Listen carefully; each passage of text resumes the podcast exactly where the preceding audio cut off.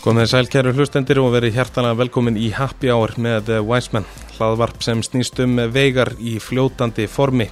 Við ætlum í hristaran í dag, en í hristaran fá okkur til okkar eh, allra bestu barþjónu landsins og hristum úr þeim alla vittneskuna, góð ráð og annað sem þar til að eh, útbúa ljúfenga drikki. Hristarinn er í bóði GS Import, en GS Import er konungsríki barahólda og glasamála á Íslandi. Það eru auðvitað nöðsilegt að eiga bestu græðnar þegar koktelgerð er annars vegar og þær fást hjá GS Import. Úrvalið má finna á Facebook eða gsimport.is. Klakavinslan eða Reykjavík Ice eru einnig með okkur í liði. Klakavinslan er eina fyrirtækið á Íslandi sem sér hæfi sig í kleræs en það er fátt flottar en að hafa klaka sem eru fullkomlega skortnir og algjörlega glærir. Hægt er að tjekka á þeim mesturum á bæði Facebook, Instagram eða klakavinslan.is. Væsmann leikum mikla áherslu á Ilma vel og til þess notar hann Landa, íslenska ylvatni frá Reykjavík Distillery, eini lögli landin á Íslandi og jafnframt sá allra besti. Það er auðvitað ekki nóað Ilma vel því hárið þarf að vera í lægi og það verður algjörlega í lægi ef maður kíkir á Hágrifssona Reykjavík her í Borgartúni. Gestuminn að þessu sinni er einstakur á margan hátt. Hann er drengur góður, hóvær, alvöru gefin og fer jafnfraft lítið fyrir honum og að það sérstaklega vel við þegar hann keppir í barþjónakeppnum sem hann svo sigrar yfirleitt alltaf. Ég nánast fullir það að enginn í heiminum á jafnmarga sigurtilla í barþjónakeppnum eins og þessi snillingur allavega ekki á Íslandi. Svo er líka brjála að gera hjá honum við að undirbúa nýjan bar sem að opnar á næsta leiti. Við ætlum að eh, reyna að hrista úr honum eh, galdurinn á bakvið þetta allt saman, kynast honum aðeins betur, fá góður áð og að lokum heyrða ferða söguna frá síðustu keppni sem hann tók þátt í. Jómundur Þorsteinsson, vertu innilega velkomin í hristaran. Takk kærlega fyrir það. Hvernig hefur það? Bara mjög gott. Ekki? Bara virkilega gott. Þetta er ekkert smá intro. Já, það ekki, ánæg með það. Já, þetta er lótt Það er snilt. Nú, sko, það sem að Happy Hour eh, hlaðvarpið er auðvitað að hugsa fyrir alla svona sem að elska góða drikki og þá ætlum við að fara út um uh, víðan völl í þeim efnum. Um, Byrjum kannski bara á byrjunni og hver er Jómundur Þorstensson? Eða Jómmi, þú ótt að skalla það Jómmi Já, Jónmundur er ekki alveg nú þjált fyrir marga. Nei. Aðeins og langt hérna, Já, ég heiti Jónmundur Þorstensson og er barþjóðn á uh, Jungle bráðum.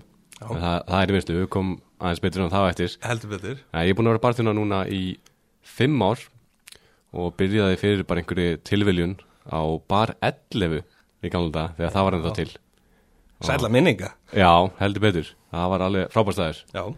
En, hérna, og byrjaði henni bara að dæla bjór og, og svo leiðis og hérna svo fer ég bara á YouTube og læra hans meira og byrja að kaupa ykkur bækur og, og lesa mig til um, um koktelana okay. og þar byrjaði svona alvöru áhugin Þannig að þú getur sagt að byrjaði svona úr að fyrir koktelum svolítið snemma þá á þínum hörli í raun og veru að svona áhuga á koktelum Já, Já. algjörlega Ok, einhverju svona sérstakur drikkur sem að hellaði í byrjun eða svona sem þú mannst eftir? Ekkert sem ég man eftir núna en ef ég myndi fara gegnum gamlu uppskriftabækurnar þá er nú ekki mikið spunnið í þetta. Svona bólspanana og alls Já, eitthvað. svo leiðis Klassist okay. Ég byrjaði að, að vinna á Kopar veitikastæðanum Já. Og vildi þar pröfa mér meira áfram. Það var ekki mikið um koktelgerð á barellu. En þar kynntist ég mitt koni sem að hafi mjög mikil áhrif á bara barþjónafélum minn okay. og, og bara lífið mitt í rauninni. Og hérna hún heitir Natasha Fischer margir sem að kannastu hana úr bransanum. Já, hún er toppmannaskja Já, algjörlega, hún kendi mig mjög margt bara um, um aga og, og hvernig á að vinna almenlega og ól mig svolítið upp þarna á, á kópar. Ok, hún hefur alltaf gert góðan líki í, í aganum því að hún komur betur að uh, keppnum hérna síðar. Já Uh, en hvað er svona breakthrough momenti, hvenar þú byrjar sérst þarna á kopar að, að búa til koktela og fara svona meira að, að einbytta þér að því og, og lesa þið til og, og þess áttar, ekki satt? Jú, það passar. Og, og síðan var mér svolítið ítt út í að keppa líka ána þessu og alltaf íta mér í að, að ná aðeins lengra og aðeins lengra og var mjög ströng með það að, að hún sá eitthvað potensial í mér og vildi að ég myndi blómstra þarna á kopar. Já það er alltaf gott að hafa góðan svona mentor eða einhvern svona sem að ítum hann yfir, yfir stríð. Já, ég er mjög sammála því. Ég væri ekki á þessum staði sem ég er í dag ef að ég hef ekki kynst henni.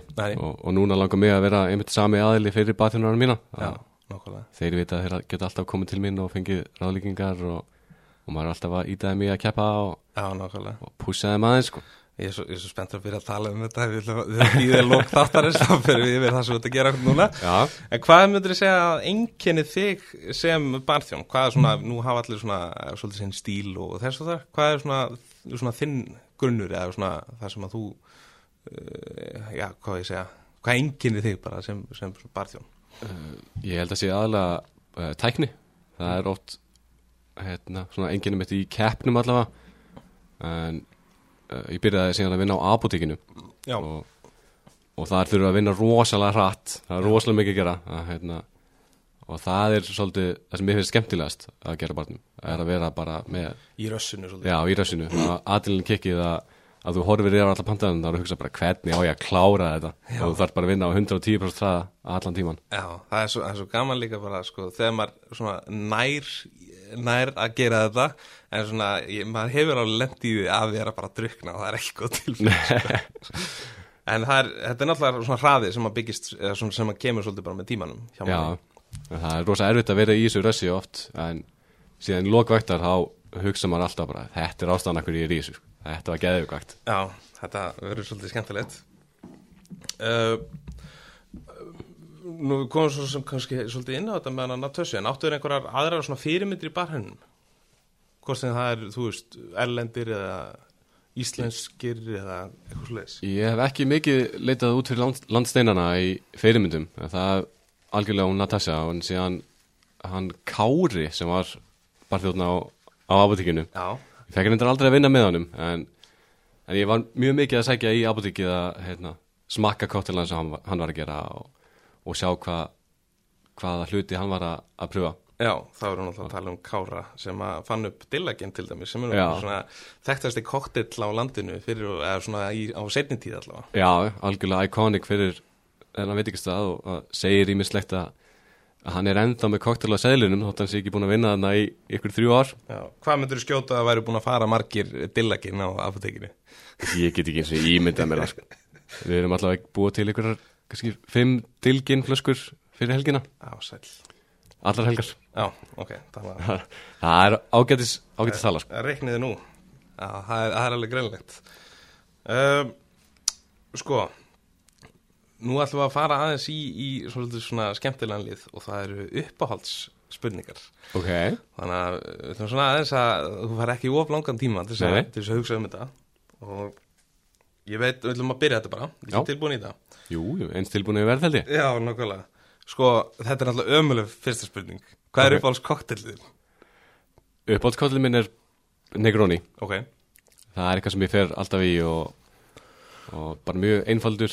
Já, eitthvað sem ég getur fengið á flest öllum börnum. Já, nokkulega Annars er ég einstaklega hrifin að gera tónik líka. Já, Það er eitthvað sem er ekki hægt að fóka upp Nei, nákvæmlega. Við erum náttúrulega svolítið í svona gen og tónik sveiflu svolítið á Íslandi ekki Jú, algjörlega og í raun allur heimurinn bara ekki? Já, þetta er náttúrulega einn vinsalasti drikkur í heiminum núna og, Já.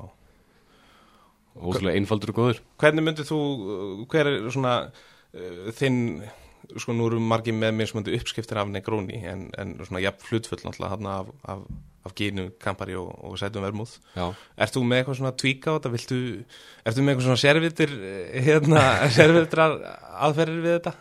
Nei, raun ekki Mér finnst það bara, Bara svo í- einfalt og iconic að ég vil bara hafa hann Já. equal parts og, og hræðan Stundu þarf bara ekkert að breyta því sem gott er. Nei, nákvæmlega Það er einn rosalega góður koktel eftir uh, Jónas Heiðar Já. yfirbartin á apotekinu Já, sem að hann er dreikur góður líka. Já, æðislegur stakur Það það er hérna, skiptir hann ginin út fyrir brennivín og bæti smá absint úti ok. sem parast mjög vel með kúmeninu í já. Hann er alveg geggjaður Já, mér finnst þetta svo vera svolítið svona komfortdrykkur, þú veist, góður svona leysibói-stóll og hérna, jafnvel góð barbók eða eitthvað svo leiðis já, algjörlega. Og einn ekkuróni, það áttur svolítið vel settur eða ekki, Jú, jafnvel kertaljós. Það varst í mjög góðum málum. Herðu, ok, uh, vodki, hvað er svona þinn go-to vodki sem þú ætlar að henda bara í, ég veit ekki, moskomjúli eða eitthvað?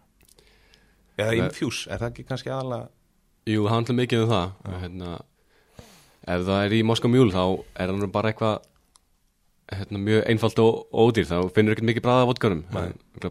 bara besti vodki sem ég smakkaði er þá annarkort Kettle One eða Stoli Elite að Elite, það er bara svolítið eins og að drekka vatn já, nákvæmlega. Gin? Gin Ég held að með svona einn uppáhalds í keislu rennunni og, og einn svona premium Já. uh, Beefeater er í miklu uppáhaldi á mér Já. og, og Tangri 10 er sérkjala góðu sem svona vilt aðeins gera vel við þig og Já. fá eitthvað dýrara? Nákvæmlega. Uh, Ég er mjög hrifin af genum sem eru mjög einföld ekki með mikið af, af hráfunum Nei, nei, nei, þeim. nákvæmlega. Þau eru náttúrulega bæðið svona svolítið Já, náttúrulega Beefeater eru svona klassísku London Dry svolítið. Já, og svo náttúrulega Tangur í tenn, svona premium. Já, það er New Western Style Já. mjög mikil citrus Já, í honum. já. Uh, Rom, þetta er rommaður? Já, ég er mjög hrifin af rommi Já, hérna, mjög hrifin af dökkur rommi þá sérstaklega. Ok. Eh, ekki mikið fyrir ljósarommið Nei. en, en Ronse Kappa og, og Diplomatico eru hrikalega góð bara á klaka eða ekkert endilega í kottilgerð þótt að þessu æðislega í kottila já, já Þetta er náttúrulega svona drikku sem maður getur svolítið einmitt, uh, drukkið bara nýtt eða bara sagt óblandað. ég mun líklegri að fara í dökturom og klaka heldur en til dæmis viski eða, eða konjak. Já, er þetta ekki svolítið bara að, að reyða sér til rúms í, í hérna í, já bara, hvað maður segja allavega Íslandi að, að rom er svona svolítið að, taka yfir þá svona kannski einn almenna konjastrykjumann eða fólk er svona farið að leita kannski meiri rom Já, algjörlega, það komið mun meira úrval af virkilega góðum rommum heldur en hefur verið. Já, já, það er alltaf spilast að því Já. svolítið. Uh, Tequila. Tequila, Já, Ardon Julio. Já það ekki. Það er ekkert, ekkert sem topa það finnst mér sem að ég hef smakkað, alltaf ekki hérna heima. Nei, nákvæmlega. En minnst Blancoin hrikalega góður. Já, það er áttum móti komin í ljósanspýra sem er mjög svona delikat samt Já. uh, Hann er bara rosalega svona bræt og, og sittur sí. Já. Geggjaður í kottela Það ekki, Já. Margarita, hann verður góð með því Já, það er algjörlega svona næsta trendi finnst mér, að tequila. Já, að hérna, tequila kottela þá það eiga náttúrulega allir eða svona mjög margir eh, svona slæma sögu af þessu bara svona tequila bræði og yfirleitt er það sko einhvern tíman á, á svona byrjun uh, drikkjuferils oftar en ekki sumabústaðaferð uh, en hérna eh, Don Julio er náttúrulega enga veginn svona eitthvað tequila sem að ætti að gefa þér eitthvað, eitthvað úbræð þetta er náttúrulega hrikalega góður, góður hérna spýri. Já, hann er alveg frábær. En, Já, eins og segir, mikið af Íslendingum sem að hafa slæma reynslu af að skjóta slæmu tequila Já, en, nákvæmlega en þetta er allt annað pakki þegar þú ert komin í 100% agave eins og, eins og Don Julio er Já, nákvæmlega. Og þá er náttúrulega dettur þetta, ef ekki bara kalla þetta markaserfer, þetta eh, salt og sítruna. Jú, það, þú ert ekki að fara að gera það með Don Julio. nei, nei, enga veginn það er engin þörf á því Og enda eins og góðum að sagði, aldrei skal, uh, byrjuðu hvernig var það? Þetta var nú ég sem samt þetta sko, að aldrei góðan snafs skal gleipan í gráðu dýrs í skjóta, á honum skal aðeins dreipa svo áhrifana með njóta. Já, einmitt. Ekki alveg kredit fyrir þetta uh, nú alveg í, í gegn sko en, en, hérna, en þetta er skemmtilega vísa. Já, Herðu, nefndu mér uh, þrjú uppáhaldsráumni sem þú elskar að nota í drikki svona að getur verið hvað sem er krydd eða bara eitthvað bragð. Þrjú Já, Við vinnum mjög mikið með sítrus ávexti. Já, og þú náttúrulega átt fyrirtæki sem heitir Citrus. Jú, það Þú passar. líka því hérna já, Eh, já við, við einmitt skýrðum að sítrus að því sítrus ávextir eru ótrúlega mikilvægir fyrir allt sem við gerum á baki barinn. Það er mjög mikið að því allavega. Já, en já, lime er þá alveg eiga á baki barinn. Ok, og ef við fyrir með önnur sáfni þá hérna mjög hrifin að bara líkjörum Já. og Campari kemur mjög stert þar inn. Já, en það er svolítið eins og með tequila það er margir sem hafa slæma reynslu að smakka Campari í fyrsta skipti. Já. Svolítið áinnu bragð. Ég hef allavega ekki hitt uh, þá mannesku sem að fannst það bara gott við fyrsta sopa. Nei, enga veginn Það er svolítið að vinna á. Já, um, við förum aðeins í hérna barahóld, hvað finnst þér vera svona eh, mest ómissandi barahóld sem að þú notar? Það er náttúrulega mest ómissandi fyrir mig er bara Corico cocktailsíkurinn Já. við notum bara Corico á baki barinn okkar. Já. sem er bara svona tinn í tinn. Já, það er í tveimur pörtum. Þetta er ekki þessi svona three piece sem þú færð átt út í búð. Eh, þeir þóla ímislegt þessi Corico sikarar já, og opnast mjög öðvölda það eru fullkomnir í mikla kesslu nákvæmlega. En fyr, fyrir utan það þá hérna er það mjög mikið af áhaldum í bóði Já, og og ég er náttúrulega með neitt mikið preference í barskeiðum eða einhverju svoleiðis en hérna, við erum mjög hrifnir að köpa pílerana okkar eða skrælarana okkar í IKEA. Ok. þeir eru alveg geggjaðir. Já, ok. Þannig að við verslum aldrei pílera í svona bar tóla verslinum við fyrir bara beinustulega í IKEA. Já, ok. Hver er ástæðan fyrir því? þeir eru bara flugbeittir eins og ég er búin að komast að einu sinni þegar ég tók af mér nöglina. En þeir bara eru með mjög þægilega stærð af þygt á pílum. Það Ok. er að taka börkinu utan af aflýsinu það Þannig að þú tekur ekki eh, mikið af þessu hvíta með Þú te- þú tekur henni aðeins af því en það er henni bara til þess að móta hérna, pílið eins og þú vilt. Ok, það er ekki of þund nei, nei, nei, nákvæmlega. En uh, aðgátt skal hafið, samt Hvað Já. var það þessa bílar að greina? maður þarf að passa sig. Herðu, ok uh, Barbækur. Þú ert nú, lest nú svolítið af, af súleis og hefur skoðað margar. Einhver svona sem, þeir, sem þú vilt hérna, benda á? Já, það er ein bók sem við látum alla barþjónana okkar já, hérna, það hefur verið hjá apotekinu og núna á næsta bar. Já, þá, það er barbúk eftir uh, Jeffrey Morgenthaler. Já, og það er svolítið bara bartending 101 ok. Það er henni allt allt sem þú gerir fyrir vaktina. Já, af hverju þú ert að djúsa ávistin eina daglega og af hverju að gera sí, sírupinnin svona hins einn Mhm. og okkur finnst rosalega mikilvægt að fólk viti af hverju þeir að gera hlutina Já. í staðin fyrir bara að lesa fullt af uppskritum og sem pröfa og pröfa og pröfa og, og neglir eina og Já. veist hann ekki alveg af hverju hún virkar nei, það er rosalega mikilvægt að skilja hráfnin sín mm og, og vita hvernig þau vinna með hver öðru Já, þannig að The Bar Book er mín uppáhaldsbók og Ok. Ég vildi óska þess að ég komist í hana aðeins fyrr já, en þetta er svona mjög gott introduction í bar heiminn. Ok. Við, hérna, við mælum með því að fólk tjekki á, á The Bar Book. Já. Jeffrey Morgenthaler, hann og sæmilegur karakter líka.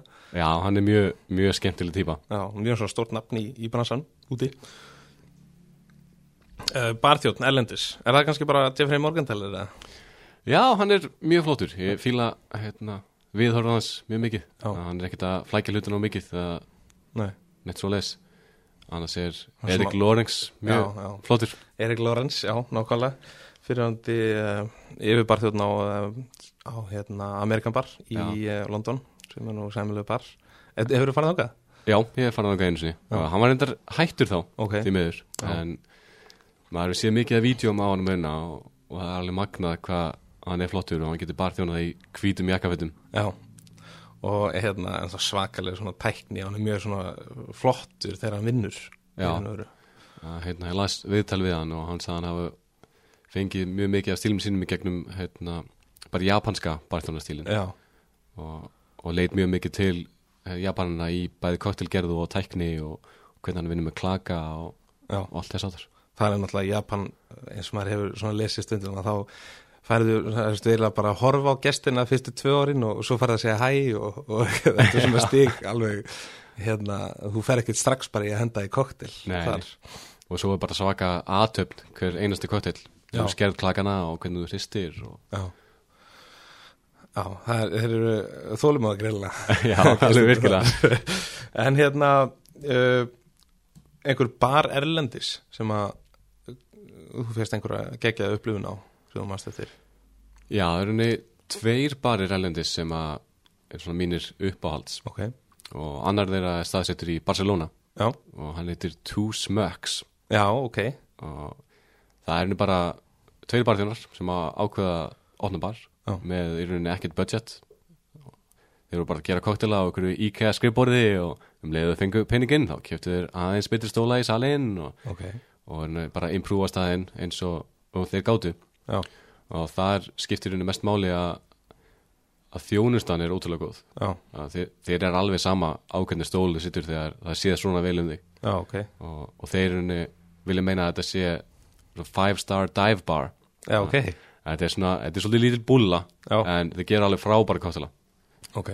Og, og annar sem við fórum á í Aþinu Já. þetta er Baba Rum sem er svona modern tiki bar. Já, með stærsta romsapn í Evrópu. Og, og þeir gera mjög skemmtilega koktela og, og er mjög flott branding. Og við, ég og, og Jónas, félagi minn við, við kíktum þangað og Hlinur Hlinur Maple Já, indislega maður. Já. Að, hérna, Já, við, við fórum að þennan bar og við fengum ekki eins og sæti. Og, og við stóðum samtana í miðjum salnum og vorum bara dástaði hvað þessi staður er flottur. Bara fullkomin lýsing og geggju tónlist.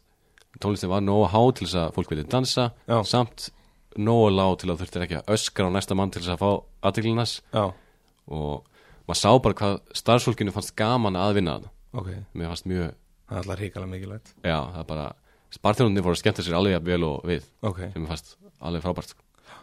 uh, Tiki, það er svolítið skemmtileg stefna.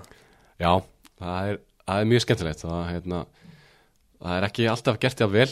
Nei. stundum er þetta flip-flops og hawaii-skirtur en, en þegar þetta er gert vel eins og á Babaram þá finnst mér þetta alveg ótrúlega flott. Já, og þar snýsturinn bara það skiptir mest máli að hafa gaman. Já, og taka sér kannski ekki alveg of alvarlega. Nei, nokkvælega Það gleymist oft, sko. Eins, og, eins og við séum bara einhverju stjarnulisfyrðingar já, nákvæmlega. Herru, ok. Uh, Bar á Íslandi. Já, Fyrir utan alltaf nýja barinn sem þú ert að fara að opna að við, fyrir utan hann þá, hérna, ég myndi alltaf fara á apotekið í hvað til og það hefur verið minn uppáld staður síðan áður en ég byrjaði að vinna Já. þarna og, og er það en þá Ok, bara frábæri gottilar og hérna, gott andrúsloft já, nákvæmlega.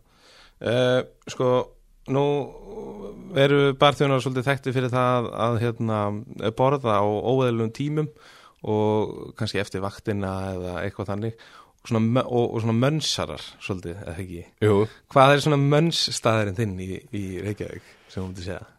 sko, það var alltaf annarkort uh, nonnabiti eða mandi Já, en núna svona síðisleinu tvö árin þá er ég búin að reyna að sjá aðeins betur um mig sem að Já. mér finnst ótrúlega mikilvægt. Að byrja að borða aðeins hotlar og, og sleppa þessum eftirvætta bjór og, Mhm. og kannski kíkja í ræktina á og til. Já, Eh, mér finnst ótrúlega mikilvægt að þetta er, þetta er erfiða vaktir og þú ert rosalega fljótur að brenna út ef að þú serð ekki um líka með þinn já. Það er ma margir sem að gera sér ekki alveg grein fyrir því finnst mér. Nei, Þannig að gló eða? Nei, ég er að reyna elda eins mikið heima og, og ég get skipulegja máltíðina mínur aðeins betur. Já, ég ætla að reynda aðeins að stíka ofna ég er búin að fylgjast með Instagraminu ykkar staffa maður ykkar þannig að það fellur ekki alveg undir þetta. Nei, en það er eitthvað finnum utantekning í framkvæmdum Já, ég finn alveg fyrir því að við erum ekki búin að vera að sjá nógu vel um okkur Já. en nú erum við að taka bara 15 tíma vaktir alla daga að- í framkvæmdum að mála og, og púsa og spatla og saga og, Já, þá bara fylgir þetta því en það það koma tímar, koma ráð. Já, já Herru, við viljum aðeins að fara í svona ströyma og vinseldir Nú, það er mjög mikið að tala um svona trend eða ströyma í kóttilheiminum hluti eins og sustainability eða sjálfbærni á góður íslensku og vendun bíflugna, plastminkun og svo framvegs. Hvaða trend eru í gangi akkur núna, finnst þér, og, og hvað svona serðu fyrir þér í, í nánustu framtíð? Höldum við áfram með það? Já, sjálfbarni hefur auðvitað verið ótrúlega stór partur af trendunum út í Evrópu og, og það er svona aðfærast hinga heim. Já, en mér finnst rosalega mikilvægt að barþjónar byrja að tilenga sér þetta. Fyrst að við búum að eigu bara í miðju allantafinu og flest allar vörðuna sem við nótum að baka barinn þurfa að vera hérna, innfluttar. Já, og mér finnst rosalega mikilvægt að, að fólk líti kannski kringu sig og sjáu hérna, hvað það getur notað úr náttúrinni eins og þú ert til dæmis orðin mjög flinkur í og, og þekktur fyrir að hérna, nota íslensk krafni já, já, nákvæmlega. Það er nóg í kringum okkur. Já, það er Bara- nefnilega mjög nóg það er bara ekki allir sem að gera sig grein fyrir því Nei, nákvæmlega. Það er við þurfum að breyta því. Já, ég er mjög samanlega því Það er ekki. Nú, um, svo þið skrítið að svona vinsalustu koktelar, uh, hvað maður að segja, bara í, sem er í gangi á Íslandi í dag, eru í raun eh, ekkert endilega nýjir að nálinni. Þá er ég að tala um svona eins og Moskó Mjúl, Aperol Spritz, uh, hvað, Espresso Martini, Whisky Sour. Já, Þetta er svona svolítið það sem að bólurinn vill. já, Hvað, hérna, hvað er það sem koma skall? Er einhver svona nýjir drikki sem við erum að fara að sjá sem að munu vera vinsalir? Sko það, þessi er svona þessi tíska í drikkinum, þetta fer alltaf í ringi en, hérna, en eins og Moskva Mjúlin hann er rosa vinsall að því hann er aðgengilegur og, og það mun alveg koma einhver drikkur í staðin fyrir hann en það er alltaf mjög mikilvægur partur af Moskva Mjúlunum er þessi kóparkanna já, sem að svona fólk fólk bara elskar og, og Já, vill láta sjá sig með og, og Við erum svolítið hrafnar á Íslandi, við erum svona glísugjöld, sko. já, en svona í öðrum drikkjum sem er að kannski koma þá hérna, er Paloma rosa sterkur. Já, og, og einn uppáldskoktelunum mínum. Ok. Hvað hérna, segðu mér aðeins frá Paloma. Paloma, það er hérna tequila Já. og læmsægu og grapefruit soda Já, þetta er svona mexikoska útgáfan af Moskva mjúl kannski já, já. Þetta er náttúrulega hryllilega góður drikkur. já, hann er mjög svona refreshing og, og góður Já, og svipum stíl kannski, þetta er svona hárdrykkur eins og Moskva mjúlin já. Og hæból einmitt eins og það er kallað, það er svona hárdrykkur og þá, það er svolítið að, að riða sér til rúms aftur. Að, já, fólki kannski finnst eins og það sé að fá aðeins meira fyrir penningin þegar panta kottil og fá aðeins meira í glasi nákvæmlega. en þótt að sé ekkit endilega meira hérna, af áfengi í, í glasinu Nei, en það er voljumið, sko. já, það skiptir miklu máli Það skiptir Íslandingar sérstaklega miklu máli. Já, menn það það er mjög dýrt að kaupa sér kottila á Íslandi og, hérna, og fólk er að gera vel við sig og þau vilja fá nóg fyrir penningin Já, algjörlega. Nú, uh, og það er náttúrulega meikar eru en svolítið sens líka, að, uh, sko, þeim mun stærri sem drikkurinn er, því lengur eru áhrifin einhvern veginn að kikka inn og þú getur kannski svona svolítið haldið bara nokkuð góðum, við. Já, þú getur notið hans hans aðeins lengur Já, einmitt, einmitt. Uh, einmitt, verðlagning á Íslandi. Já, Eru margir að miskila það? það er rosalega mikil vinna sem felst í því og, og hár ráfniskostnaður sem felst í að búa til Já. en já, sumir gerir sig ekki alveg grein fyrir því en, en sumstaðar finnst mér verðlagningin aðeins og há Já. ef ég á að vera hreinskilin Já, ég er nefnilega er svolítið samlæðar hvað það var þar og sko mér veist, svona fólk kannski ekki alveg gera sér grein fyrir að ástæðan fyrir því að sumi koktelir eru svolítið háir er að því að það er verið að nota dýrt tráfni þá. Ekki sagt Jú, það er alveg satt. Uh, góð, hérna, góð brönd og, og hérna, flotta spýra undirstöðu spýra. Og svo eru kannski einhverju aðri staðir sem eru bara að nota ódýrt og fara svona auðvöldileðina en finnst samtalið réttlátt að prísa sig jafn hátt og, og hinni sem er að nota premium vörur. Já, Það er það, svona- það er því miður satt hérna, Ég myndi alltaf miklu frekar kaupa mér kottil sem ég veit að er gerðið með góðum hráfnum Já, og ég held að fólk sé svolítið að gera sig grein fyrir því að hérna, þau eru kannski varar um það sem þau eru að kaupa Já. og það sem þau eru að drekka. Já, og við þetta viljum að fólk hérna, sé að drekka góð hráfni og, og flotta spýra. Já, en já, verðlagningin á sumum stöðum er bara svo sama og þú ferð á flotta veitingastæði og þú ferð á bar og, og kaupir eitthvað kottil sem að er kannski ekkert með neitt sérstaklega æðislegum hráfnum nei, nei, en það er bara því miður partur af bransanum minna í dag. Já. Já, og svo náttúrulega, þú veist, þetta er náttúrulega líka, svolítið líka spurning bara hver býr koktelin til, er þetta maður sem að, eða kona sem er búin að búin að hérna, tilenga sér starfið svolítið vel og kann nákvæmlega það sem að uh, hún, hún eða hann er að gera og svo leis, það er kannski svona meiri tröstveikjandi að fá drikk frá þannig mannesku Já, ég er mjög saman því. En það skiptir svo miklu máli þegar maður er að búið til kottil að, að bæði nota þess kráfni og góða spýra og líka bara að nota þið almennilega hvernig þú balansirar kottilan út og hvernig þú hristir og bara það, það er allt sem skiptir máli í ferlinu Já, þetta eru svona, svona mörg smátrið sem að skipta miklu máli, þú veist, kæling á glösum, kæling, alls konar svona sem að, sem að verður til þess að koktelin verði, verði góður. Já, það er svona undirstuð atriðin sem koma þær alveg hrikalega langt Já. Talandum að eh, ná langt, við viljum aðeins að fara yfir koktelkeppnir. Já, Eh, það er bara svolítið þannig með því að þú mátt eða ekki taka þátt í keppni á þessu vinnuna og ertu búin að taka saman hvað þú ert búin að vinna marga keppnir á ferlinu með það? ég er ekki alveg kláraði þetta er hvað, 10 til 12 kemnir, eitthvað svo leis Já, og og nokkur önnur seti líka. Já, því miður. Nákvæmlega. Þú líka þessi þetta- önnur seti.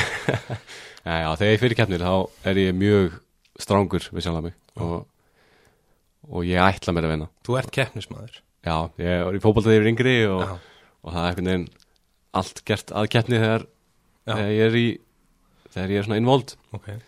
og með þess að þegar ég var allst upp þá bara mamma gerði alltaf að keppni bara eru, fyrir um beltakapp hverju fljótur að setja þetta belti já, ok. Það er svolítið innbyggt í því bara. Já, ég er með svaka kenniskap Og mikinn svona sjálfsaga þegar kemur að undirbúning. Já, og ég er með mjög mikið af reglum sem að koma að þessum barþjónarkefnum og Já. kottilkefnum og svona reglur sem að ég brýt aldrei og, og er bara með lista af hlutum sem ég geri alltaf eins og, og, og erum bara að þjálfa mig í því. Já. Nú, sko, ef þú myndir gefa e, ráð um hvernig fólk á að undurbúa sig ef það eru einhverjir ungir eða upprennandi barþjóna sem að hafa hugað því að taka þátt í keppnum Við finnst þér keppnur ekki fyrir að fyrst að gefa manni svolítið mikið?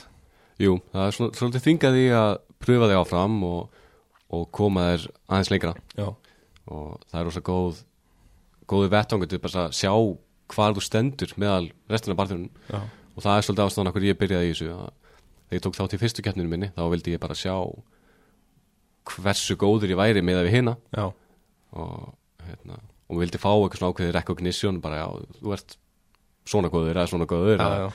Út að bæta á þessum sviðum og, og, hérna, og síðan bara hérna, ákveði að taka þátt í öllum kennum. Og, hérna, og er mjög grimmur á að sjá mistöki mín já, og, og reyna að útilöka öll mistök Já. í kennum.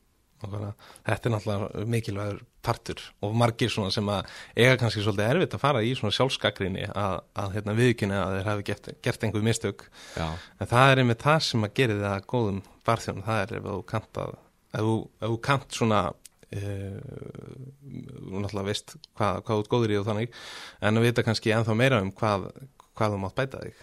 Já, það eru mjög mikið bara þennum sem að horfa kannski bara á styrkleikana sína. Já, en ég hef unnið mjög mikið að hérna, útrýma veikleikunum eða reyna það. Mm og, og ég held að þú sjá að það nú sjálfur líka hérna, eftir að vera að dæma mig oft já, já, já. hvernig maður hefur bætt sig. Algjörlega, ekki spurning. Að, hérna, e, gott dæmi um eina keppni að hérna, var að keppa er desember fyrir næstu í tveimur árum. Já, og ég hérna, fyrir bara svið með ákveðið plan og, og svona gekk þokkalega fannst mér en ég gerði mikið af mistökum fannst mér. Já. og var alveg brjálaður út í Salnavík ok. Og hérna, næstu bara farin að á Paxviðs Já, já, kannast þetta. Og hérna og kærastu mín, hún Helena hún segir við mig bara heyrðu, ég, þú, þú verður að hætta að keppa. Ég get ekki horta á þig vera svona erfðan með sjálf að þig. Já, en svo endaði ég á því að, að vinna þessa kenni en eina sem ég gæti að hugsa um var bara hvað getur bætt fyrir næstu kenni já, já. Þetta er, þetta er góð, góð leksja Hvað myndir segja var svona stærsta afreikið hinga til? stærsta afrikið er á nokkuð sem að að vinna world class kennina Já, og þú náttúrulega sjálfur farið út að keppa og, og ótrúlegt að vinna þessa keppni hérna heima og mjög mikið afreg og Já. alveg rosalegt að fara síðan út og sjá hvað þetta er stórt þar. Já, það er einmitt næsta sem við ætlum að fara í. Við ætlum aðeins að krifja þessa vörklaskemni já, Nú Svo kom því strax að það er náttúrulega ekki um að ræða einhverju líkansrættakefni Þetta að miskilast uh, En vörklass er auðvitað stærsta barþjónu keppni heims í dag og haldin á hverju ári. Og já, getur við ekki sagt loksins. Þá gerir nokkra tilhörunir, eða ekki? jú, jú, þetta var þriðja tilurinn Já, komst í top 10 fyrsta árinu mínu og, og endaði sinni í öðru sæti. Já, loksins náðum maður að vinna þetta. Allt er þeirra sér já, og svo fórstu út að keppa. Uh, nú eins og þú talar um að þetta, þetta er náttúrulega gríðilega stort svið og hérna og það er náttúrulega ekki allir sem að gera sig grein fyrir hversu stór keppni þetta í raun og veru er. Þetta er í raun ekki svona hefðbundi keppni eins og margir þekkja þar sem þú ferð út með einn drikk þetta er náttúrulega risastórt fyrirtæki sem á þetta Diageo og með mörg brönd. Nú uppsetningin er alveg mögnuð og ja, hvað ég var að segja, yfir þyrmandi það hvernig var þegar þú fjast fyrsta uppkastið um hvað þú ættir að fara að gera? Þetta er svaka áskorun og fengum mikið af svona keppnum þetta árið. Já. Fimm mismundi keppnir og, og á þremur mismundi stöðum Já. þú þarfst að vera rosa skipulaður hvernig þú pakkar og þú þarfst að koma öllum sírópinninum og djúsum og glösum milli landa. Já, nákvæmlega. Nú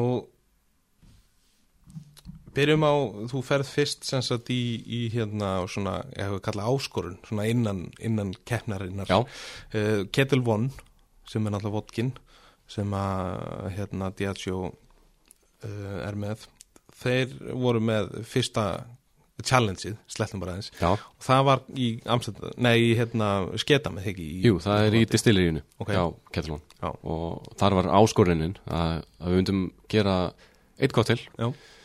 svona iconic vodka cocktail uh, þá annarkvort uh, Espresso Martini, uh, Moscow Mule eða Bloody Mary. Og við áttum að búa til aðferð til að gera þennan cocktail aðeins betri. Já, eða nota betri hráfni eða eitthvað slíkt. Og það sem ég gerði var að nota bara íslensk hráfni fyrst að við hérna, þurfum að flytja allt inn já, og nota, nota flúðatómata og, og, og notum hérna, wasabi? Já, wasabi og, og rababara sem síruna Já, já, Það er náttúrulega svolítið skemmtilegt að, að, að pröfa sér áfram með það að nota rabba bara síruna í staðan fyrir sítrus já, og mjög svona vannýtt hráfni hérna á Íslandi. Það eru margir sem að nota rababara líkjörinn frá honum snorra í Já, 64 distilleri Stórvinn okkar. Já, alveg, alveg frábær líkjör en það er ekki margir sem að er að, djúsa rababara Nei, þetta gleymir svolítið þetta veginn.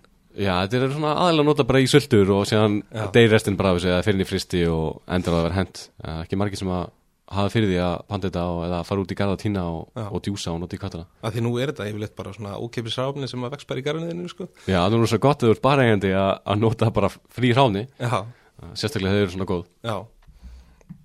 Uh, Þannig að þið búið til hérna þú gerir um, Bloody Mary.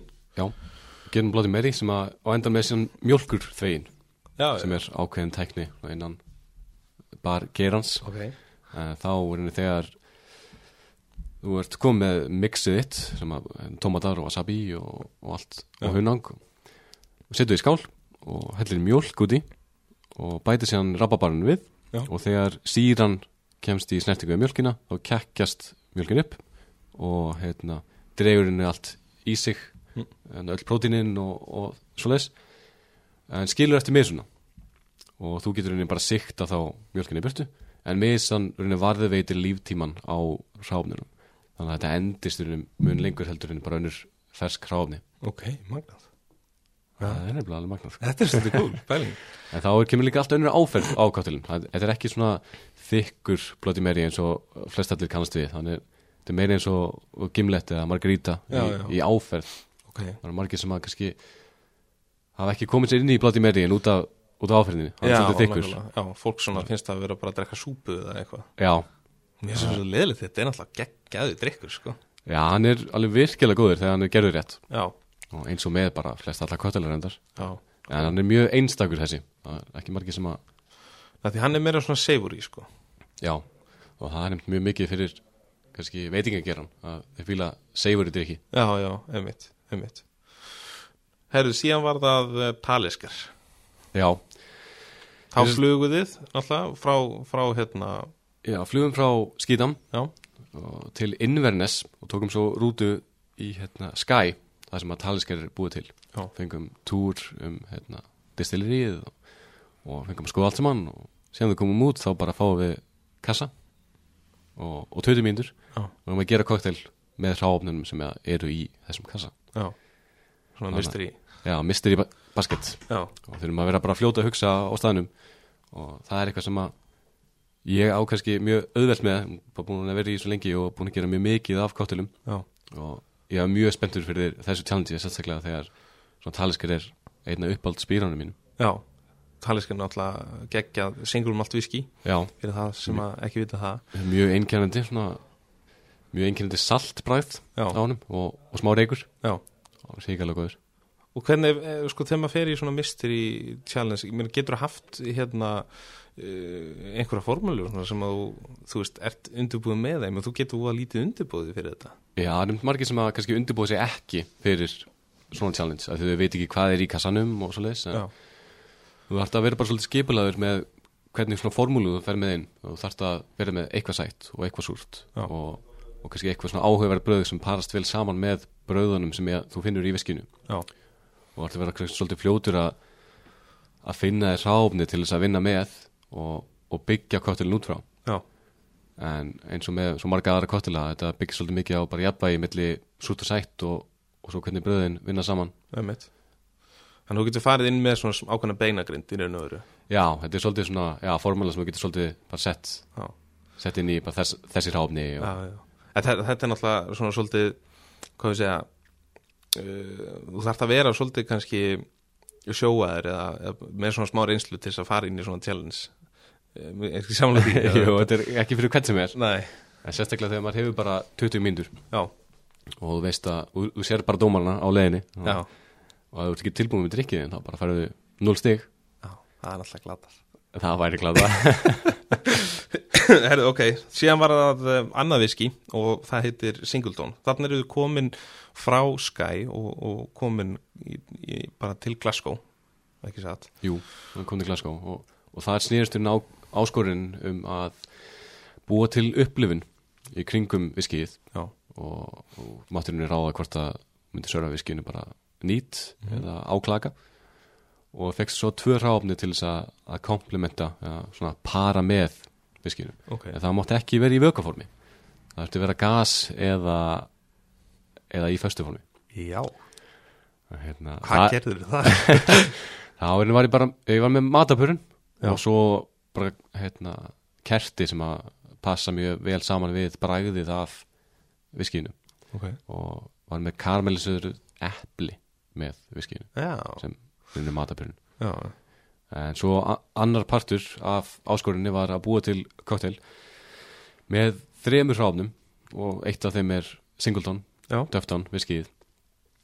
Svo eitt hráfni sem að má vera heimagert og eitt hráfni sem að þú getur keft hvað sem er. Já, Og í því challenge þá ákveði að búa til Espresso Martini. já, Þannig að espressoðum var þá hérna, hráfni sem þú getur ke- keft hvað sem er. En svo í staðan fyrir að fara í svona svolítið klassískan espresso, Martini þá ákveði að fara í hérna, hestlinnetu og banana Espresso Martini. Já, bara svona basic. Já. En það er hérna mjög mikið hnetu bragðið af viskíinu og okkur langar að spila svolítið með það og, og nota þetta single malt viski á hátt sem að kannski ekki margir hugsa út í. Já, og fekk mikla hjálp frá Jónasi Heiðari með þennan kvötil já, enn og aftur toppmaður Já, frábær hérna, Við vildum svolítið Já, búið til koktel sem að þú hugsar kannski ekki um þegar þú hugsar um Já, og spila svolítið með það. En venjulega er single malt notað í Boulevardier eða Rob Roy eða Manhattan eða hræða svona meira áfengismeiri koktela já, svona spirit to spirit drikki Já. En það gekk mjög vel og hérna, drikkurinn geggjaður. Ok, en bananandir, hvað hvað komið þeir? uh, Barnir voru bara í formi líkjörs. Hérna, frá Giffard með Já. alveg hrikalega góðan bananlíkjör ok. Heslinhundnar voru bara stektar á pönnu Já. og settar í blandara með vatni og sigri að það myndaðist síróp og svo var líkjötnum bætt við eftir á. Já, ok. Já, spennandi lægt til að smakka þeim Banana espresso martini og herslein hendur Það eru sama dag var síðan tangari Já, Það var sama eh, challenge líka þennan dag. Jú, þá var áskurinn að búið til þrjá kottela um 8 mínútur. Og áskurinn var að búið til eitt sem að myndi svona endur spekla sítrus hjartað í tangari tenn sem gera það svona sérstækt Já, og, og í þessu sítrus hjarta er feskir Já. og er grapefruit, lime og hérna, appelsinur svo áttur að gera eitt koktel sem væri twist á martini og eitt koktel sem var bara hvað sem er. Þetta er náttúrulega ekkert mála 8 mínúndum það voru nokkur sem lendi í basli með að ná þess á 8 mínútum. Já. en, en ég er rétt slapp. Ok. Ég sá þetta challenge minni mig. Já,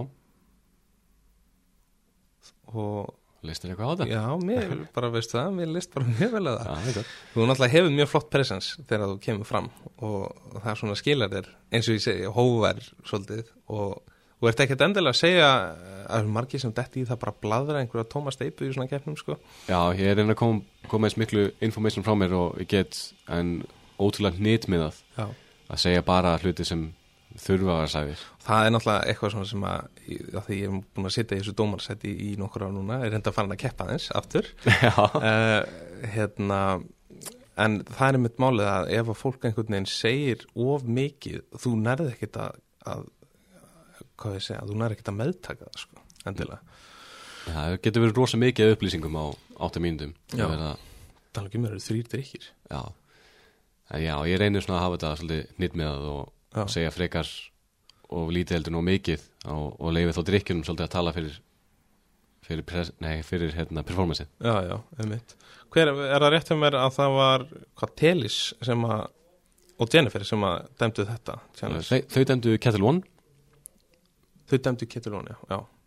En síðan fengum við, eða fekk ég Charles Jolie Já, í þessu challenge það er alveg ákveðið legend líka. Já, það er mjög þekktur innan að gera hans og er hérna, fyrrum sigurveri í global-kefninni Já, og eitt svona þekktasta nafni sem hefur kannski komið út úr þessari kefni já, hann gerir til dæmis eh, sá ég koktela fyrir Emmy eh, hérna velunin í bandaríkjum Já, það er ekkert smáverkefni Það er alveg ágættisverkefni uh, Herrið, síðan var það Johnny Walker.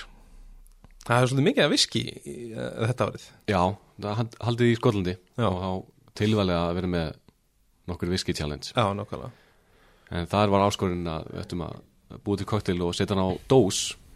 Hérna, og bara serva dósinni í kenninni og svo búa til einn uh, Johnny Walker Fizz. Ok.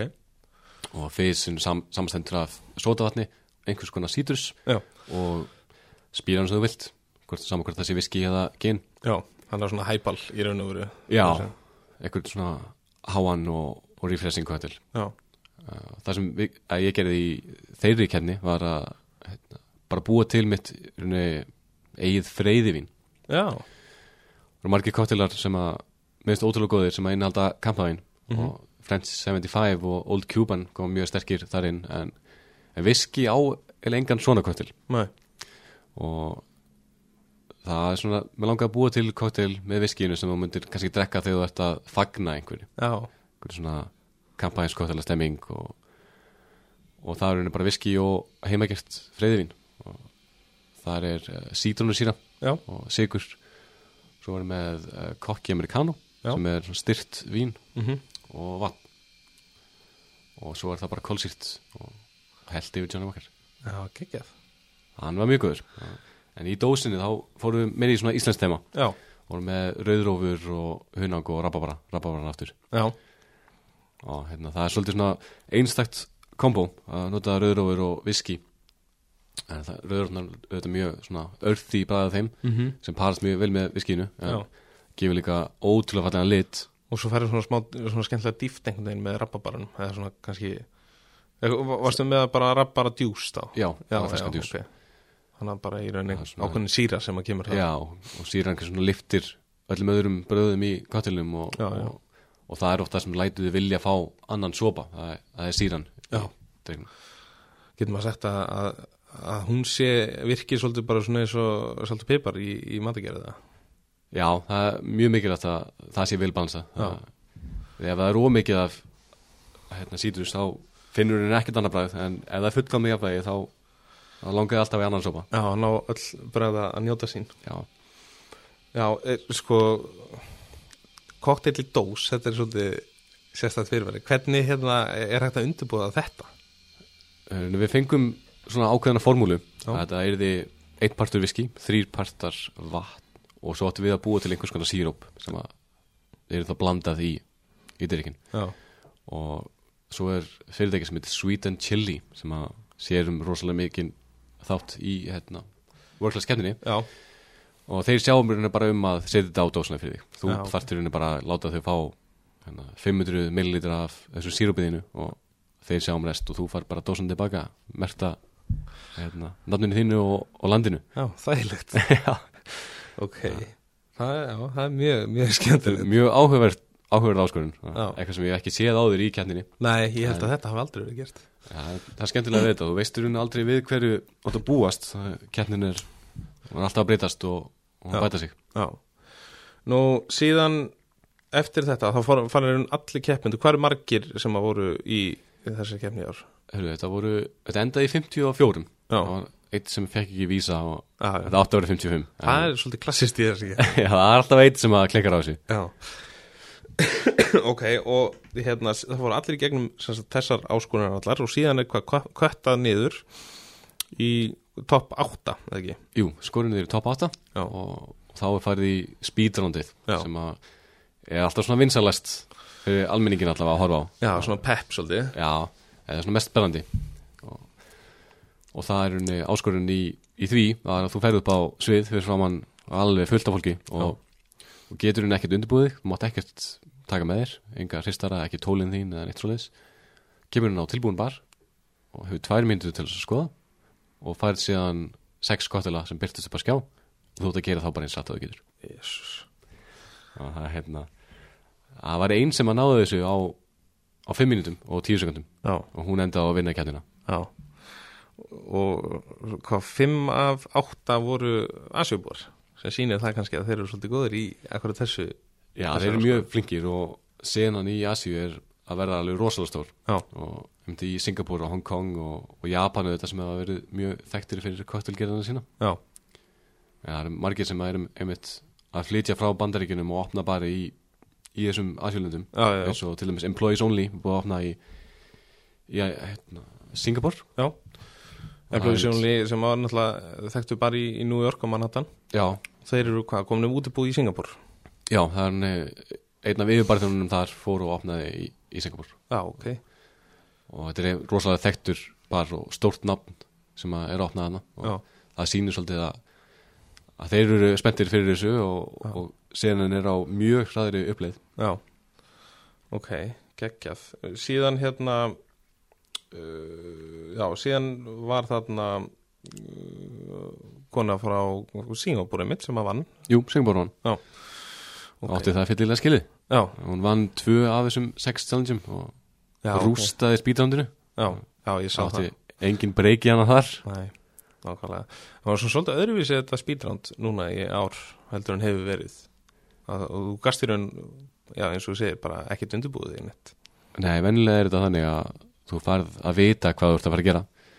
En núna mætur þú bara inn að bar með áhöld sem að þú þekkir ekki og, og átt bara að gera kottilega eins að þú getur. Og bara algjörlega á útivelli Já, uh, Veistu eitthvað í hvaða sætið þú lendir það?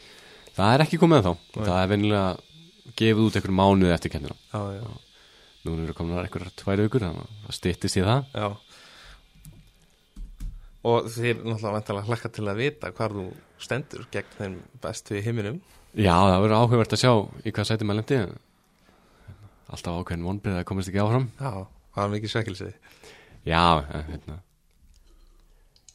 Það er spennandi tímir framöndan samt og, og maður getur kannski ekki búist við því að komast áfram þú ert að kemja móti 55 bestu barþunum í heiminum.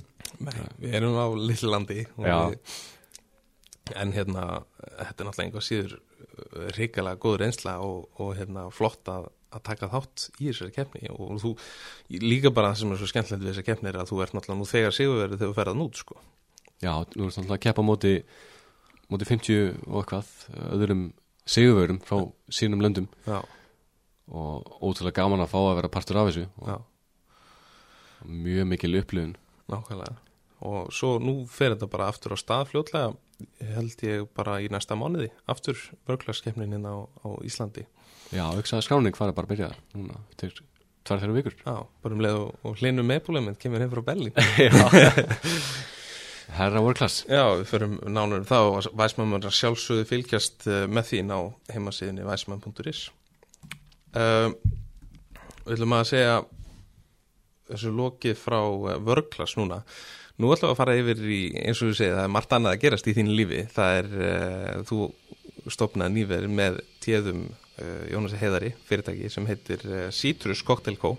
Já, og það er henni bara koktel veislið þjónusta Já, og við erum aðalega að taka á, á okkur brúðkaup og ásatíðir og þess að þar og mætum henni með allar græjur Já. og áhöld og mætum við barinn okkar og, og hendum í geggja koktelpartí já, að það er svo- svolítið sem hefur vantað í svona stórum viðbyrjum að þú getur ekki fengið mjög flotta koktela eins og að þú ferð á fína veitingastæði og, og pantaði koktel en þetta er venilega bara hvítt raut og freyðvin og bjór. Já. En við erum komið svolítið svona annað aspekt inn í þetta. Já, það er náttúrulega geggjað, þetta er náttúrulega klálega eitthvað sem vantaði, einhvern sem að tók bara þetta og, og, og massaði það skilur Já, það, við vorum búin að lenda í því mjög ofta að fólk er að ringi okkur og býða okkur að koma barþjóna í hinum þessum partíum. Já, já, og svo ákveðu bara, ekki bara gera þetta almennilega, bara stofna fyrirtæki Já. og eitthvað brand og, og bara go for it, sjá hvort það sé eftirspurn og já. Og þetta hefur gengið bara mjög vel, það það er búið að vera að byrja að gera okkur Já, það er búið að vera alveg villust og þetta bara gekk vonum framar mjög mikil eftirspurn og vorum ekki alveg vissir hvernig þetta myndi ganga hvort að fólk myndi finna okkur og hvort það er það áhugi fyrir þessu. En þetta er búið að ganga mjög vel Já, nú er náttúrulega, þú veist, koktel menningin á Íslandi og, og svona koktel áhugi almennings líka farin svolítið að, að, hérna, að láta bera á sér svolítið meira. Fólk er svona farið að, að eldast við góða drikki þannig að, þannig hérna, fólk hefur nú vantilega tekið þessu svolítið fagnandi og, og, hérna, og ákvað bara að fjárfesta frekar í svona þjónustu heldur en að taka dýrrauðin eða eitthvað svolítið uh, í partíin sín. Já, þetta er einmitt mjög skemmtilegt og hérna og við erum. Já, þetta er mjög skemmtilegt og, og við reynum að reyna bara bæta þjónustun okkar með hverju einasta mánu og allir peningur sem kemur inn fer í að, að gera þetta aðeins flottara og aðeins betra og, og getum bóðið upp á ja, meiri og betri þjónustu Já, ok Hvað hérna, er einhver svona eftirminnileg gig svona sem að þið eru búin að Já, Nei. það, það eru nokkur sko. Já. Ég- Við gleymum nú örugglega aldrei fyrsta verkefnin okkar Nei. 180 manna brúðköp og við erum svona að reyna að finna út úr því hvað er við erum að stilla upp seikörunum og ráfnunum og svona og, og kortir í að bara náfni þá, þá heyrum við í hérna, hóstinum bara að segja það eru geggjað kóttalegin áttast Citrus Cocktail Co, þeir eru byrjað að hrista svo sjáum við bara alla koma í áttina og við erum bara ekki tilbúinir í það. Nei, Ja, það er mjög skemmtilegt og, og við erum vanið í að vinna mjög hratt þannig að það gekk vel. Já. Það er eitthvað segir mér að hafi verið einhverja skítarendingar hann Já, það er hérna en Við erum orðinir ágættir í Já, en svo, kannski stærsta verkefni sem við tekið er hérna, Netflix kom með starfsmannapartí Já, á Íslandi og leiði út listasafni hérna í miðbænum. Já, og þetta hvað, milli 8 til 900 manns. Já, ok. Það eru held ég seint toppað í, í stærðu allavega. Já, það var lítill fugl sem að kvíslaði að mér að því hafi verið, eins og maður segir í bransunum mér svolítið það var brjálað að gera við ykkur. Já, var mjög mikil undirbúningur. Já. Það- hérna, Við höfum þessi mjög vel, það var ekki, ekki brjálega að gera barnum en við vorum með alveg 13 barþjóna þarna Já, ok, að hérstu kottalofan í liðið. Geggjað. Það hefur verið stemmari Þetta var mjög mikil stemming og, og mikil ábyrðin alltaf sem fylgir því að, að hérna, vera með svona stóran viðbyrð Já, já, og við læriðum alveg heilna hellinga því. Já. Og þið eru með, með náttúrulega heimasíðu ef, ef fólk vil finna ykkur. Það er, Já, citrusbar.is já, svo náttúrulega Instagram. Já, við reynum að vera virkir þar Já, þegar við getum. Já. Það er svona erfiðar kannski þessa dagana en Já, það búið að vera bara að gera í öðru hjá okkur líka. Já, þannig að ef einhver ætlar að stofna, eða halda einhvern uh, við burða brúðkaup eða hvað sem það er, þá geta þær fundið ykkur uh, þar. En Já. núna er komið að því, Jón Mundur, að um, fara yfir það sem er að gerast akkurat núna í þínu lífi. Já, það er mikið að skenu nú Já, segðu, segðu okkur frá því. Já, það er að ég og, og Jónas eðar erum að opna bar í miðbænum Já. og, hérna, og erum með þrjá ótrúlega flottar stráka með okkur. Og við erum, sérst, við erum til hús á Austur 39 Já, þar sem að þannig að loftið var. Já, og við erum núna bara í frangandum að breyta lukkinu á staðinum og mála og spasla og, og hérna og gera þetta svolítið að okkar. Ok. uh, við erum semst fimm saman eigendur og, og það er engin ríkur kall út í bæ að að, hérna, fjárfesta í ykkur, þetta Nei. er bara við og, og það er eitthvað sem heitlar okkur mjög mikið að við getum búið til bara upplifunina fyrir gestin okkar sem við viljum. Það er engin, engin fyrir ofan okkur sem á peningana sem er að segja okkur hvað við erum að gera. Nei, nákvæmlega. en svo kemur líka móti að við erum á budgeti og við getum ekki gert hvað sem er. Nei, þið eru að setja svolítið sál og, og, og alleguna í þetta. já, og hérna við erum allir að henda öllum peningum okkar í þetta og, og Citrus fyrirtækja okkar er búin að fjáfesta hans í þessu líka. Já, og við getum ekki beðið eftir átna já, það verður geggjað. Staðan heitir Jungle. Jungle Já, og þetta verður bara cocktailbar já, og okkur finnst svolítið vanta cocktailbar sem að býður upp á bæði geggjaða cocktaila og frábæra þjónustu Já. og þú getur bara þú kemur inn og sest niður og fær menju og það kemur þjóttn og pantar nei þjóttn og hérna og tegur pöntun hjá já, þér já. og, og færið alveg frábæra cocktaila Mhm. og viljum staf, skapa svona andrúsloft það sem að það er upp í tónlist og, og ekki sama tónlist og heyrir á öllum veitingastöðum í miðbænum.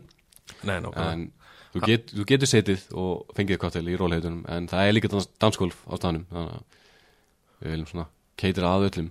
Já, hvað hérna stefnið á að vera með opið uh, lengi? Við erum að stefna á eitt áverkundum og þrjú um helgar. Já, og lokað á þriðutum og það er bara fyrir að undirbúa staðin fyrir næstu viku. Já, bara þrýfa og preppa og, og svo les. Og þriðu dag er kannski svona dagurinn sem að við byggumst að er þið minnst að gera. Ok. Og bara ansinn fyrir veit ekki gerðin, fyrir rosa mikið hérna, út af lífið á mánudum og, og miðvíkutum Já, og við þekkjum það vel að mikið af veit ekki gerð liðinu er að vinna um helgar og, og ferða út á virkundum Já, og við viljum hafa einhver svona bransakvöld og, og fólk geti kom, komið til okkar á þessum virkundum já.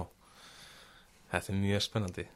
Já, við getum ekki beðið. Hvað hérna, hvað svona stefnu ætlaði að taka í, í, í kóktelum? Verður einhver svona sér, sér stíl eða? Þetta kallar svolítið á svona eitthvað smá tíki Já, þetta verður svona kannski modern tiki. Þetta verður mjög skemmtilegt og, og, hérna, og gaman en þetta verður líka svolítið klassískir kottilar og, og okkur finnst þetta mjög góður vettvangur upp að, að kannski kynna fólk aðeins betur fyrir kottilgerð og, og klassískum drikkjum Já Það hefur náttúrulega vantað svolítið bara einhvern sem að kann Má ekki segja við höfum kannski svolítið byrja á villisum enda í svona þessari kraftkoktel senu hérna á Íslandi. Við fórum bara einhvern veginn strax að infjúsa bara einhvern skósólavodka og, og einhvern svolítið í stæðan fyrir svona fókus að fara á akkurat klassíkina. Já, það er, við getum farið á mjög marga veitingastæði og fengið kottila sem að barþöndið þar er búin að búa til og, og með einhvern flóknum sírópum og svo leiðis en svo kannski pantar einhvern klassíkin kottil og barþöndið hefur aldrei gert hann áður og kann ekki gera hann. Nei. en okkur finnst þóls mikilvægt að, að læra þessa klassísku drikki Já, það er ástæða fyrir því að einhver kottil hafi verið búin til fyrir 100 árum en þú getur ennþá pantaðan já, og nákvæmlega. fólk þekkir upp skriftina og, einhver svona legacy komið bara með, Já. með drikknum uh, Þannig að þið eru kannski svolítið líka bara í smá uh, fasa að læra meira um, um klassíska drikki og, og svo leis þess að dana Já, við erum alltaf búin að leggja mjög mikla áherslu á það svona síðustu ár. Já, en við erum auðvitað með káttelina frá okkur í bóði já, en við erum mjög spenntir að búa til kannski tvista á klassíka káttela og, og um að gera þessa kannski einföldu drikki rosalega vel.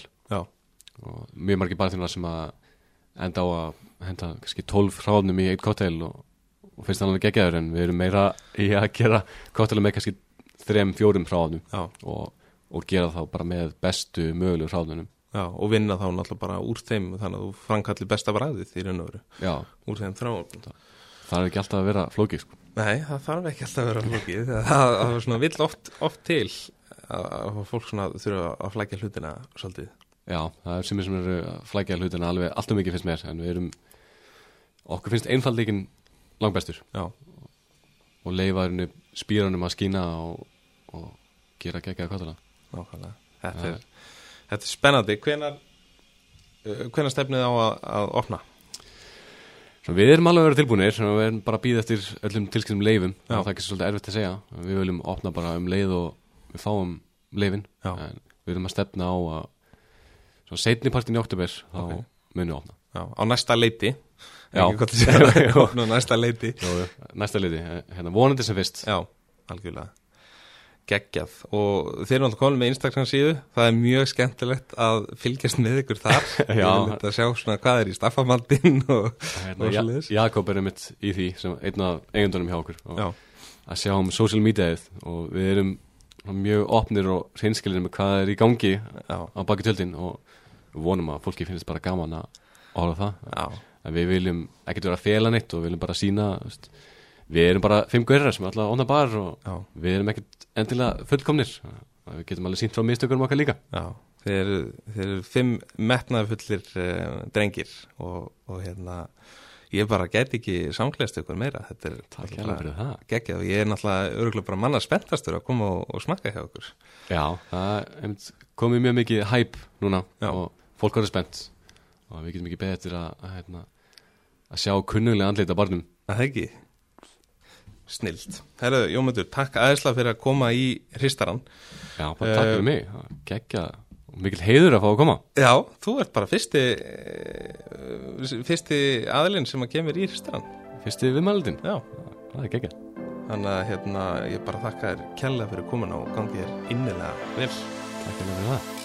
Kæru hlustöndur, við þökkum fyrir áhengina. Munið að bera virðingu fyrir góðum drikk því einungist ámun eh, drikkurinn bera virðingu fyrir ykkur og eh, uh, aðgátt skal höfð dýberður sálar.